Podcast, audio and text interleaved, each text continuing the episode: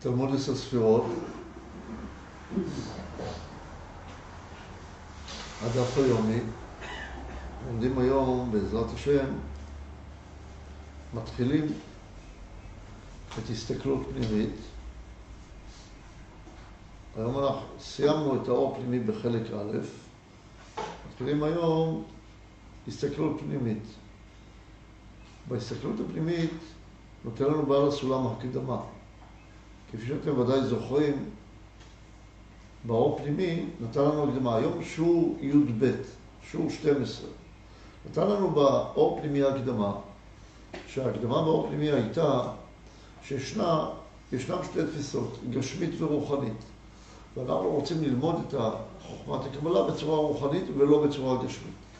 גשמיות הוגדרה ככך, כמה שאנחנו תופסים בגדרים של זמן ומקום, ורוחניות היא מה שאנו קולטים מעבר לזמן ומקום.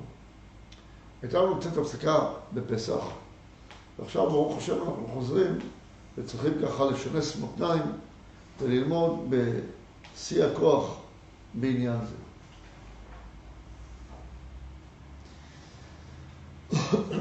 זה זמן טוב לצרף עוד אנשים ללימוד הזה. אז נתחיל. ראשית כל, אומר בהסתכלות פנימית, ראשית כל צריכים לדעת שבמקום שיש לנו עסק עם עניינים רוחניים המופשטים מזמן, מקום ותנועה, כוונה היעדר ותנועה. ואין צריך לומר עם אלוקיות, הרי זה מה שאנחנו מתעסקים בחוכמת הקבלה. הרי אין לנו את המילות להגות ולהתבטא על ידיהם. מדוע?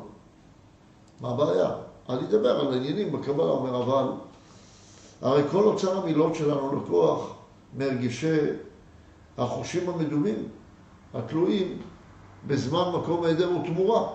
אז איך אני יכול להשתמש במושגים, למשל אני אומר אור, או כלי, או ארץ, או שמיים, אז זה, זה הצורה שבה אני תופס את זה דרך החושים המדומים, ואיך אפשר להסתייע בהם במקום שחוש ודמיון אינם שולטים שם.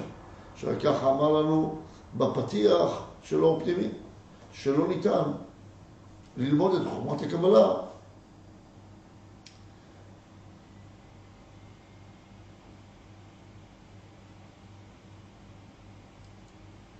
לא ניתן ללמוד את חוכמת הקבלה דרך אה, אור, דרך אה, מושגים מדומים, דרך זמן ומקום.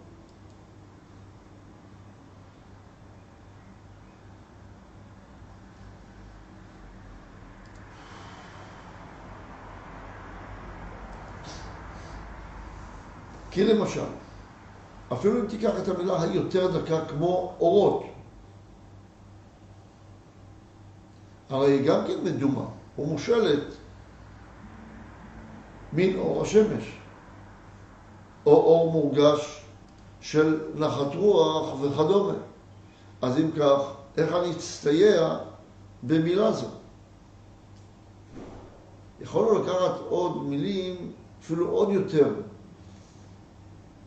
למה הוא לא שואל בעל הסולם על העניינים הנפשיים? למשל, אומר אהבה, געגוע, השתוקקות. למה אני לא יכול להשתמש במילים האלו ולומר דרך זה אני אלמד את חוכמת הקבלה? כי גם המילים האלו הם מילים שהן על פי הרגש האדם. ואת הקבלה אי אפשר ללמוד על פי הרגש האדם. אז מדוע בעל הסולם מלמד אותנו את חוכמת הקבלה דרך מילים אלו? והתשובה לזה היא שהוא לא מלמד אותנו, הוא רק מעביר לנו את זה למקום עבודה. כי באמת, כשבעל הסולם בא לארץ ישראל, מיד הלך לישיבת המקובלים ורצה ללמוד איתם. ושאל אותם מה מובן בנפש של מושגים אלו. והם אמרו לו שאין לי ללמוד את זה על הנפש, אלא יש ללמוד את זה איכשהו, כי אחרת הוא עלול להגשים את זה. ויש טעם בדבריהם. בעל הסולם לא קיבל זה מכיוון שהוא, בעל הסולם ראה שחוכמת הקבלה לא נועדה רק להיות כתובה כאיזשהו מדע, אלא שצריך גם לעבוד דרכה. אז עשה שני דברים בעל הסולם.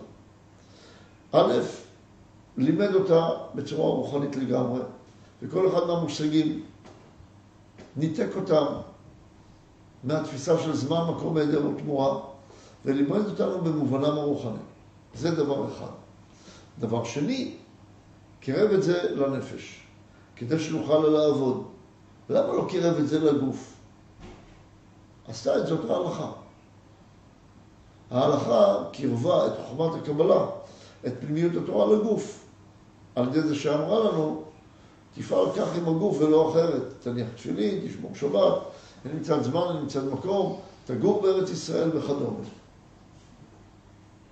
אז כן צריך לקרב, אבל לא ללמוד דרך זה, אלא קודם ללמוד חוכמת הקבלה כפי שהיא. איך? אז עדיין נשארנו בבעיה, רק ענינו על השאלה כיצד, למה אני לא משתמש במילות של נפש שהם קרובים לחוכמת, קרובים למושגים רוחניים, למה לא דרכם אני לומד? והתשובה על זה, כי גם הרגשי, גם הרגשות, הם לא מתארים לעולם רוחניים, גם תלויים בזמן מקום היעדר ותמורה.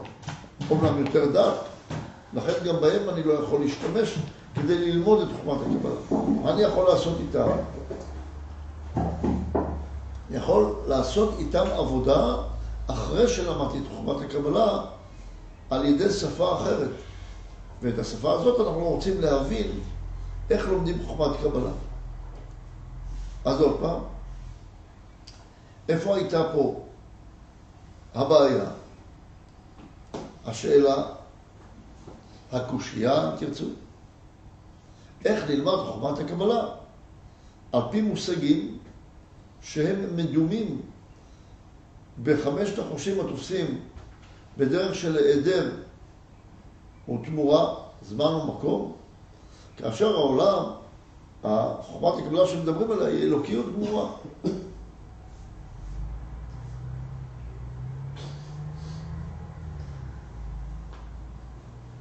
ואומר עוד, מגדיל את הצורך בדבר אה, מדויק, דבר אמיתי. אומר, וצריך לומר, במקום שצריכים לגלות על ידי המילות האלה מכתב על ספר בענייני משא ומתן בחוכמה, כנהוג במחקרי כל חוכמה, אשר אז אם נכשלים אפילו במילה אחת בלתי מוצלחת למטרתה, תכף יתבלבל המעיין, ולא ימצא ידיו ורגליו בכל העניין כולו. ולפיכך, מה התשובה? מה הפתרון? לא רק שצריך מילים רוחניות, אלא צריך גם דיוק. מה התשובה? בחרו להם חכמי הקבלה שפה מיוחדת שאפשר לכנותה שפת הענפים. אז מה הפתרון? הפתרון נקרא שפת הענפים. זה הפתרון. עכשיו צריכים להבין מה זה שפת הענפים, ואת זה הוא רוצה להסביר לנו. להיות, למה בחרו את שפת הענפים? שאין לנו שום מהות או הנהגה של איזו מהות בעולם שאנחנו תופסים. אפילו שתופסים בעזרת חמשת החושים, בעולם המדומה הגשמי, שלא תהיה נמשכת משמשה שבעולם העליון, ואדרמה. התחלת כל ישות שבעולם הזה, הנה היא מתחילה מהעולם העליון. אז מה הבעיה? אז תלמד את הכל, כמו בעולם העליון, למשל, תגיד, אם בן אדם יותר גבוה, אז הוא יותר רוחני. אם הרי זה משתלשל אחד לאחד עד העולם הגשמי, אז תגיד שאדם יותר בריא הוא יותר רוחני. ועוד תוכל להביא טענה, נפש בריאה בגוף בריא, אבל אנחנו יודעים שזה לא כך. אנחנו יודעים שזה לא עובד באופן הזה. למשל, שמי שיותר גבוה הוא יותר רוחני. הרבה שהיה נמוך היה רוחני.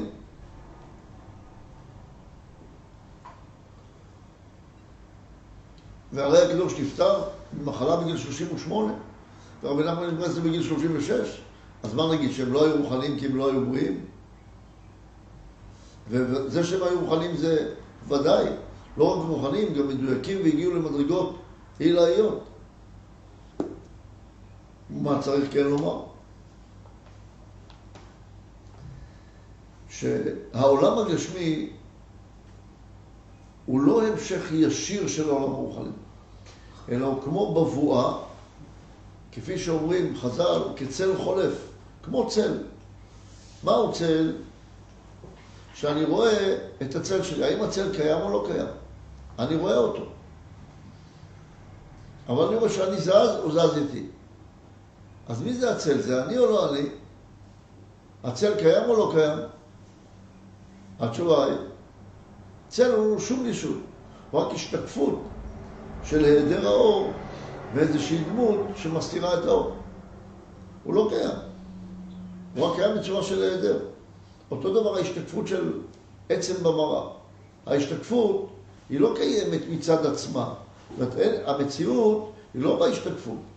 כמו שנותן באופן נפלא בעל שם טוב משל. אומר אדם מסתכל במראה ורואה את ה... רואה כתם על המצח. כל החיים אם ינקה את המראה, הכתם על המצח לא יתנקה. תזכרו את המשל הזה, זה משל פלאי, פלאי ממש. הוא גם לענייני עבודה שאדם צריך לעבוד מצד עצמו ולא לתקן אחרים, אבל הוא גם מלמד אותנו על תפיסת הגשמיות. כמה אפשר יותר להבין מה היה הגשמיות. היא רק בבואה, היא צל חולף. אם אני רואה את עצמי דרך מראה, מערכת מראות כשישה אנשים, זה לא אומר ש... אני רואה שש דמויות, זה לא אומר שאני שישה אנשים. אלא זה אני אדם אחד, ואם הסתכלתי במראה שמגדילה, אני לא גדול, ואם הסתכלתי במראה שמקטינה, אני לא קטן. אז מי אני? אני צריך לקחת את העיוות שיש במראה ולתקן אותו. המראה הזאת מראה לי בצורה של זמן, מקום, עדר ותמורה לעניין מסוים שנדבר עליו. אבל אני צריך להבין שכל העולם הגשמי הוא עולם רק של מבואה. אני לא יכול דרכו להבין אם אני לא מוריד ממנו את הזמן, מקום, עדר ותמורה. אז אני רואה ראש, תוריד מהראש זמן, מקום, עדר ותמורה. אתה רואה יציאת מצרים, תוריד. תוריד. זמן, מקום, עדר ותמורה. וכן הלאה. רק אז תוכל להבין. אז מצד אחד יש לנו שפת הענפים, שהיא נותנת לנו את היחסים הנכונים, וכל מילה בשפת הענפים, יש לו מובן בעולם הרוחני. אבל ההקשרים ביניהם, אני חייב להבין אותם, לעשות שתי, שתי תנועות. תנועה אחת להבין את ההקשר הרוחני, ותנועה שנייה להבין את סוגי הקשרים. גם הקשרים והחיבורים בעולם הרוחני הוא לא כמו בעולם הגשמי. וגם ההוויות של. שלהם הם לא אותו דבר. אז מה, אז מה אני צריך את שפת הענפים? הכל לא אותו דבר. ובכל זאת זה דומה. זה דומה. כשאני רואה אדם, אני רואה את ראובן במראה, ראובן הוא במראה. אבל זה לא מה שאני רואה במראה את ראובן. למשל, ראובן הסתתר בתוך תחפושת של נייר צלופן ירוק. אני רואה את ראובן ירוק, אבל אני יודע שאני צריך להוריד את הירוק ולהבין שראובן הוא לא ירוק, וכן הלאה.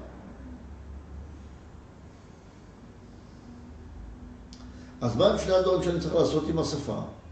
א', להפשיט אותה מזמן ומקום, וב', לייצר בה סדר. איך אני אדע איזה סדר? זה תלמד אותי חוכמת הקבלה. איך אני אדע להפשיט אותה מזמן ומקום? יצטרכו ללמד אותי. בעל הסולם מלמד אותנו, וזה מה שהוא אמר. נשתמש בשפת הענפים ונעשה את שתי התנועות. נצא מזמן ומקום ונייצר סדר. אז תמיד אנחנו מחויבים לשני הדברים הללו, וזה שפת הענפים. להיות אומר, למה משתמשים בשפת הענפים? אומר, התחלת של כל אישות שבעולם הזה, דהיינו בהשתקפות במראה, הנה היא מתחילה מהעולם העליון, מהעולם האמיתי. בעצם יש רק רוחניות, אין גשמיות, גשמיות זה רק בבואה. ואחר כך משתלשלת לעולם הזה, למראה. לפיכך, מצאו להם החכמים שפה מוכנה, בלי טורח, שיוכלו למסור על ידי איש לרעהו את השגתם בעל פה ובכתב מדור לדור. איך לא פחדו שיתבלבלו? כן פחדו. איך לא פחדו שלא יגשימו? כן פחדו. ולכן לא העבירו לכל אחד, אלא מה שהתחייב ללמוד אותה באופן הזה. אז מה הם עשו? לקחו להם שמות הענפים שבעולם הזה, אשר כל שם מבאר את עצמו כמורה באצבע על שורשו העליון, אשר במערכת העולמות העליונים. ואני חוזר על זה שוב, ואני אחזור על זה עוד הרבה פעמים. מה צריך לעשות כאשר אנחנו רואים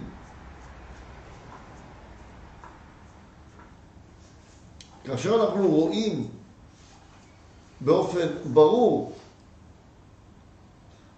עולם גשמי ועולם רוחני לא, צריכים לעשות התמרה. איזה התמרה? איזה התמרה? להסיר את ארבעת העיוותים של ה... להסיר את העיוות של זמן, מקום והיעדר ותמורה, ו... לעשות סדר לעשות סדר רוחני. סדר רוחני. ובזה תנוח דעתך. אבל תראו, למשל, בן אדם יותר גבוה הוא יותר רוחני. זה נכון.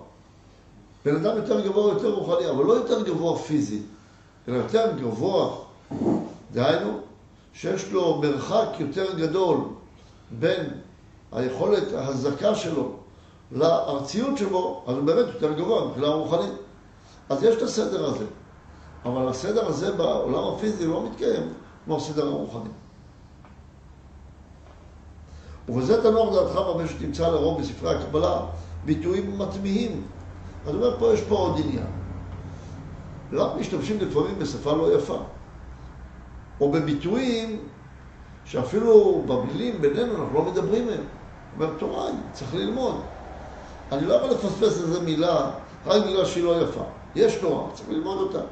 אין הכוונה, חס ושלום, לדברים לא צנועים או לא יפים או גסי רוח, אלא מדובר על תורה. אני לא יכול להחסיר מילה כי היא חלק מהסדר. לכן, גם אם זרים לפעמים לרוח אנושי והוא כאחר, שכבר בחרו להם שפה זו להתבטא על ידיה, זה היה שפת הענפים, כאמור. אם כך, איך אפשר להם להשמיט את, על דרכם איזה ענף בלי להשתמש עמו מחמת נחיתות הדרגה שלו, שלא לבטא על ידיו המוס, את המושכל הרצוי בה בעת, שלא נמצא בעולמנו איזה ענף אחר שיקחו אותו בתמורתו, כמו למשל זיווג אחור באחור. למה אתה מדבר על אחוריים? זה לא יפה. הוא אומר, מכיוון שאני צריך להראות צורת זיווג, מה שאתה חושב על אחוריים זה משהו אחר מה שאני אחוריים זה חסר חשיבות, פנים זה חשיבות. אז אני משתמש גם במושג אחוריים, כי אני צריך להראות בדיוק על המקום המדויק שלו ברוחניות. כי כמו ששתי שערות אינן יונקות מנקב אחד, כן אין לנו בית אלפים שהתייחסו אל שורש אחד. ואף גם זאת לא ייתכן להעביד את דבר החוכמה המחויב אל הביטוי נכות הדרכם, ולא עוד. כי האבדה היא תגרום פגם ובלבול גדול בכל מרחבי החוכמה. להיות שאין לנו עוד חוכמה בכל חוכמות העולם. שיהיו העניינים כל כך משולבים זה בזה, בדרך סיבה או סיבה גורם ונמשך כמו חוכמת הקבלה. עוד פעם, מה הוא אומר כאן? הוא אומר, דע לך, אתה לומד מתמטיקה, פיזיקה, אסטרונומיה, פסיכולוגיה. אומר, אין מדע יותר מדויק כמו חוכמת הקבלה. ואיך הוא מתאר את זה? בסדר של סיבה ומסובב וגורם ונמשך.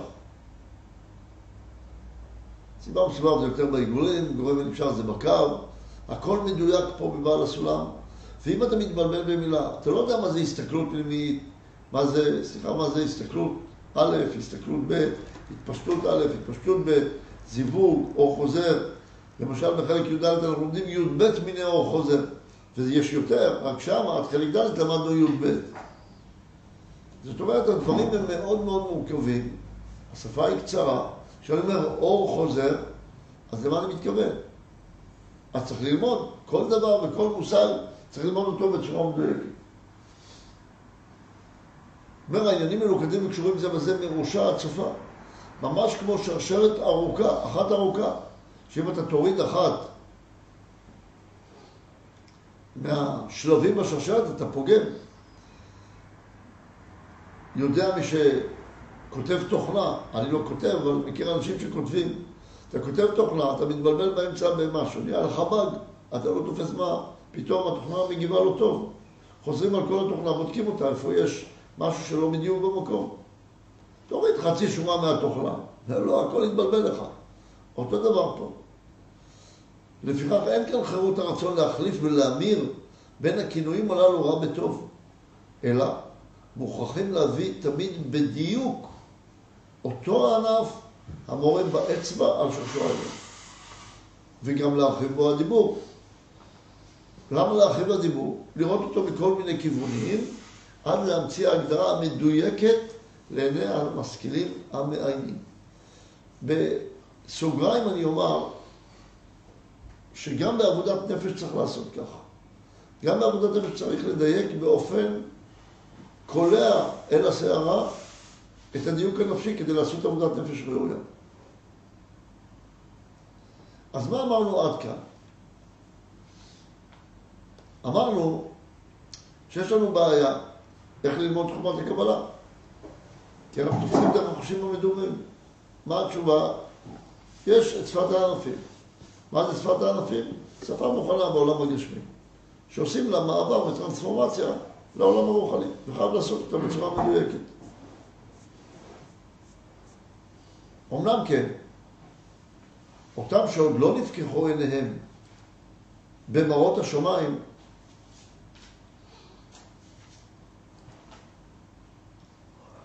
ועדיין אין להם אותה הבקיאות של יחסי ענפי העולם הזה אל שורשיהם בעולמות העליונים, הם הנמצאים כאן כעיוורים מקששים כן. שימו לב, אומר, לשון דומה, מביא רבי חיים ויטל בהקדמה לעץ חיים, נדמה לי בעמוד י"ב טור ב', בהקדמה, אומר כל הלומד תלמוד בבלי בלבד הוא כעיוור המגשש קיר באפלה ואין לו עיניים לראות ברזי התורה. למה כל כך? אומר, מי שלומד רק חיצוניות, כמובן שחכמי התלמוד הם היו מקובלים גדולים שידעו להחיות מתים אפילו. לא מדובר עליהם, מדובר מי שלומד את התלמוד הבבלי רק בחיצוניות. אז הוא לומד רק מושגים גשמיים. אז מה הוא יבין? אז הוא אומר, מי שלא מכיר גם בחוכמת הקבלה, שלומד את החוכמה הקבלה, שיד ימין זה השפעה, יד שמאל זה קבלה, ואם כואב לו יד ימין, אז הוא אומר, אה, אני מקובל, אני יודע שאם כואב את יד ימין אני כנראה חלש בהשפעה. ואם כואבת לי אוזן שמאל, אז אני לא יודע לשמוע ביקורת. כל הצורות האלה הן צורות נפסדות, לא ראויות, ולהתרחק עם אנשים שנותנים מובנים כאלה ודרך זה רוצים גם לרפא מחלות. מי שלא יודע לייצר את, הטרנספור... את השנאות הזאת לעולם הרוחני, הוא כעיוור המגשש קיר באפלה. כי לא יבינו אף מילה אחת כמשמע אמיתי. שהרי כל מילה היא שם של איזה ענף ביחס שורשו. זולת, יש איזושהי דרך. אם שיקבלו הפירוש, מפי חכם מובהק. הממציא את עצמו להסביר העניין בשפה המדוברת. ברוך השם, אנחנו זכינו לבעל הסולם שלימד אותנו. שהוא, מה זה הממציא את עצמו? לא כל החכמים באו ומסרו לנו את החוכמה. היו כאלה שקיבלו משמיים אות וסימן ונתנו להם את הכישרונות הראויים להעביר את החוכמה, והיו כאלה שלא. שהוא אותו חכם בהכרח, כמו מעתיק מלשון ללשון, דהיינו משפת הענפים לשפה המדוברת. כי אז יוכל להסביר את המושג הרוחני איך שהוא. ועל זה אנחנו חייבים תודה עצומה, גדולה, לבעל הסולם, שנתן לנו פה דרך עשרות אלפי אנשים אני מקווה מאות אלפים ומיליונים בהמשך, לומדים את תורתו של בעל הסולם ונותן להם עיסוק רוחני של שנים. תראו מה בן אדם אחד יכול להשפיע על העולם. וזהו שתרמתי בביאורי זה, אומר בעל הסולם, להסביר את עשר הספירות כפי שהורה לנו החכם האלוקי אריזל, על פי טהרתן הרוחנית המופשטת מכל מושגים מוחשים. אז זה להכניס טוב טוב לקופסה. עוד פעם. על פי טהרתן הרוחנית המופשטות מכל מושגים מוחשיים. לא ללמוד את הקבלה במושגים מוחשיים, זה כבר אמר לנו, מה הוסיף לנו פה? אף על פי שלומדים את זה דרך מושגים של ענפים גשמיים. באופן שיוכל כל מתחיל לגשת אל החוכמה בלי להיכשל בשום הגשמה וטעות. אז זה אחת התשובות. מה יהיה עם אנשים היום? איך ילמדו? האם מותר ללמוד למטה מגיל 40? האם המתחילים גם יכולים לומר, כל מתחיל יכול לגשת אל החוכמה בלי להיכשל בשום הגשמה וטעות. כל הבעיה בזה שמגשימים, בגלל זה לא התפרסמה חוכמת הקבלה. עכשיו, אחרי פירושו של בעל הסולם, אפשר ללמוד בלי להגשים. אם נצמדים ליסודות האלו, אשר עם הבנת עשר הספירות האלו, ייפתח הפתח להסתכל ולדעת איך להבין ביתר העניינים בחוכמה זו.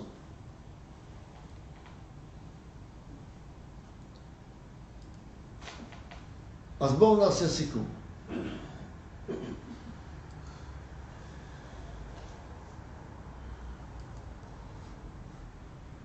סיכום השיעור.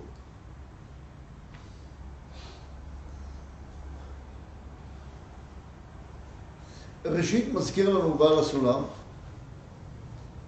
שכל חומת הקבלה מדוברת על עניינים רוחניים שמופשטים מזמן מקום היעדר ותמורה והעניינים הם עניינים אלוקיים.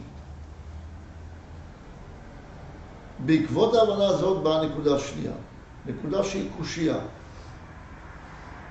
איך אנחנו יכולים ללמוד את חוכמת הקבלה אם כל התפיסה שלנו היא תפיסה גשמית בעזרת החושים המדומים שלנו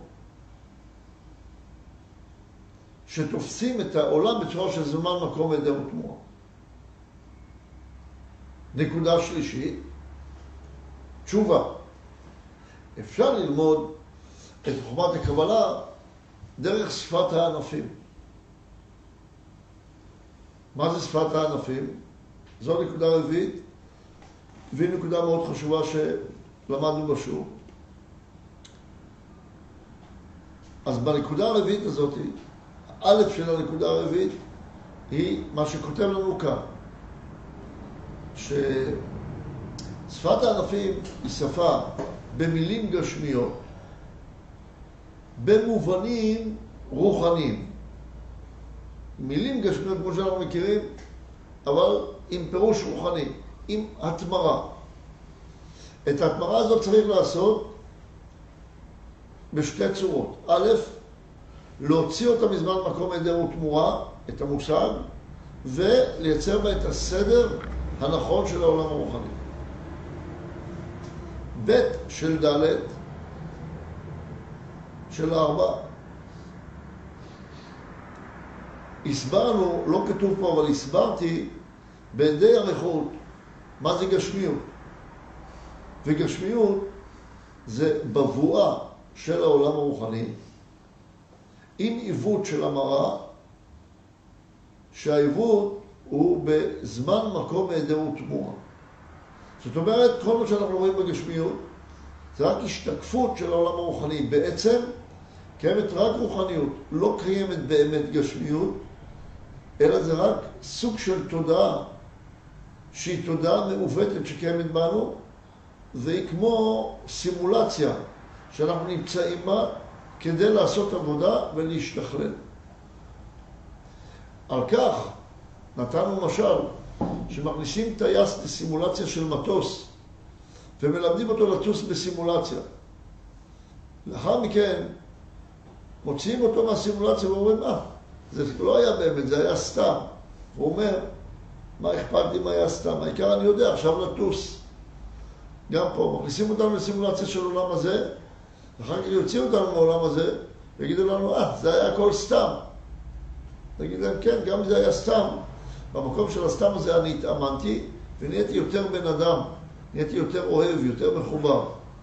ושווה לי היה זה שהטעו אותי וחשבתי שזה, שזה אמיתי כדי לעשות עבודה. אז רק פה הגדרנו בארבע ב' מהי הגשמיות, ואני חוזר על הגדרת הגשמיות, בבואה מתוך מראה שיש בה עיוות של זמן, מקום, עדר ותמורה. הנקודה החמישית אומר שצריך ללמוד את התורה הזאת באופן מדויק, ולכן אנחנו צריכים להשתמש בכל המושגים של העולם הגשמי, מכיוון שאני חייב הגדרות מדויקות. והיות והחוכמה הזאת היא מדויקת להפליא, אני לא יכול להשמיט סתם דברים, בגלל שהם לא יפים או לא נחמדים. אז יש פה שני דברים. א', אנחנו משתמשים בכל המושגים שבענפים, וב', היא מאוד מדויקת, יותר מכל חוכמות העולם. ולכן צריך ללמוד אותה גם מאוד מאוד מדויק. נקודה שישית,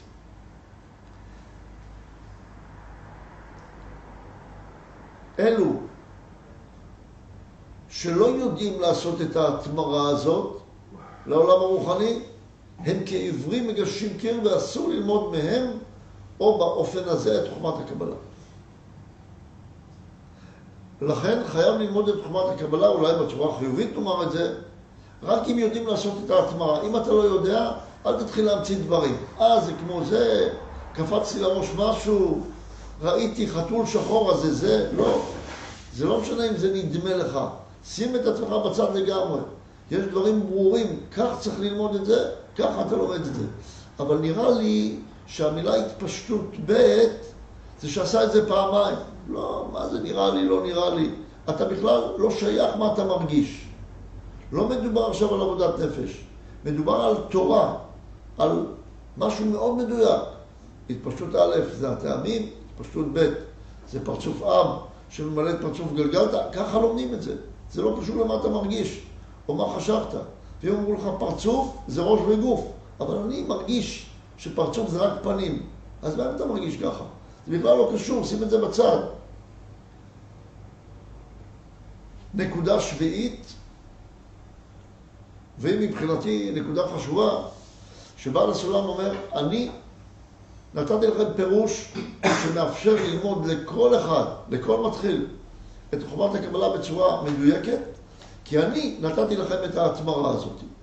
וציינתי אותה, ואם תלמדו על פי ההתמרה הזאת, כל אחד יוכל ללמוד את חומת הקבלה. אם כך, שבע נקודות עוד פעם בקצרה. החוכמה היא נלמדת בצורה אלוקית מעבר לזמן מקום היעדר ותמורה, ככה צריכה להילמד. שתיים, יש לנו בעיה, שאנחנו תופסים דרך החושים המדומים, אז איך אפשר ללמוד אותה? שלוש, תשובה, בשפת הענפים. ארבע, מהי שפת הענפים? השפה שאנחנו מכירים בגשמיות עם התמרה. ארבע ב', מהי גשמיות? גשמיות היא הרוחניות שמשתקפת דרך מבואה של זמן, מקום, היעדר ותמורה. חמש, חייבים להשתמש בכל המושגים, גם אלה שלא יפים, כי חייב דיוק. שש, החוכמה היא משולבת, מאורגנת, וחייב ללמוד אותה בסדר נכון עד לנקודה הכי קטנה. וצריך ללמוד אותה מדויק. שבע, אולי זה היה שש. מה היה שש? אמרתי שבעה דברים או שמונה? שבעה. אז, זה שהיא מדויקת צריך להשתמש בכל מושג, זה יהיה אחת. והשישי זה מי שלא יודע לעשות את ההתמרה ולומד חומת הקבלה, הוא טועה. חייב לעשות את הלימוד רק אם אתה יודע לעשות את ההתמרה. אם לא, לא להמציא דברים לבד. והשביעית, שבעל הסולם עשה לנו את ההתמרה ונתן לנו אפשרות ללמוד חומת הקבלה, וכל מתחיל יכול ללמוד אם יצמד לכללים הללו. זה עד כאן היום. תודה רבה.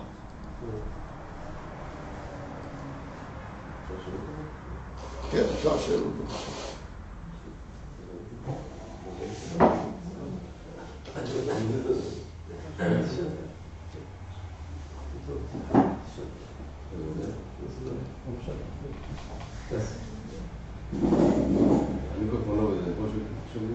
כן. אה, יש לי כמה שאלות על הנושא הזה. קודם כל, אה, האם יש הבדל בין השפה הגשמית למציאות הגשמית? אני רואה שהוא מדייק פה על העניין של השפה. זאת אומרת, אם עכשיו אני קורא במושג אחוריים למשל, זה שפה, זה לא בהכרח הדבר הגשמי. אז האם הוא מדייק על שפה ולא על אה, מציאות גשמית? בגבוה... שפה, מה זה שפה? תפקיד של שפה, כן, אז אה, הרב היימן שואל, האם צריך להגיד, האם מדייק במילה שפה שפה ומציאות. או מציאות? התשובה היא ששפה זה מה שמחבר בין החוץ לבין הפנים. כמו שפת מדרכה, שפת הים, זה מקום החיבור. שפת הענפים זה מחבר בין תפיסת המציאות לבין תודעת האדם. אז אני לא רואה את המציאות. איך אני רואה את המציאות, זה דבר מוכן לי כבר. אז הוא אומר, השפה, נקודת החיבור בין המציאות לתודעה, היא כבר מוכנה לי. את השפה הזאת אני הולך ללמד. אבל כשאני אומר אחוריים, זה מושג מאוד מדויק שמראה על משהו מדויק. הוא לא מראה לי את המציאות. הוא אומר, יש מושג כזה שנקרא אחוריי, והשפה מוכנה, שהיא שפה, היא מייצרת קשר. יש בשפה קישור בין מה שקורה במציאות לבין אלינו, לבין התודעה שלנו. אבל במושג גבוה למשל, אני לא רואה את הקשר הזה. אתה לא רואה, מלמדים אותך את הקשר הזה. איך אתה ידעת את הקשר הזה?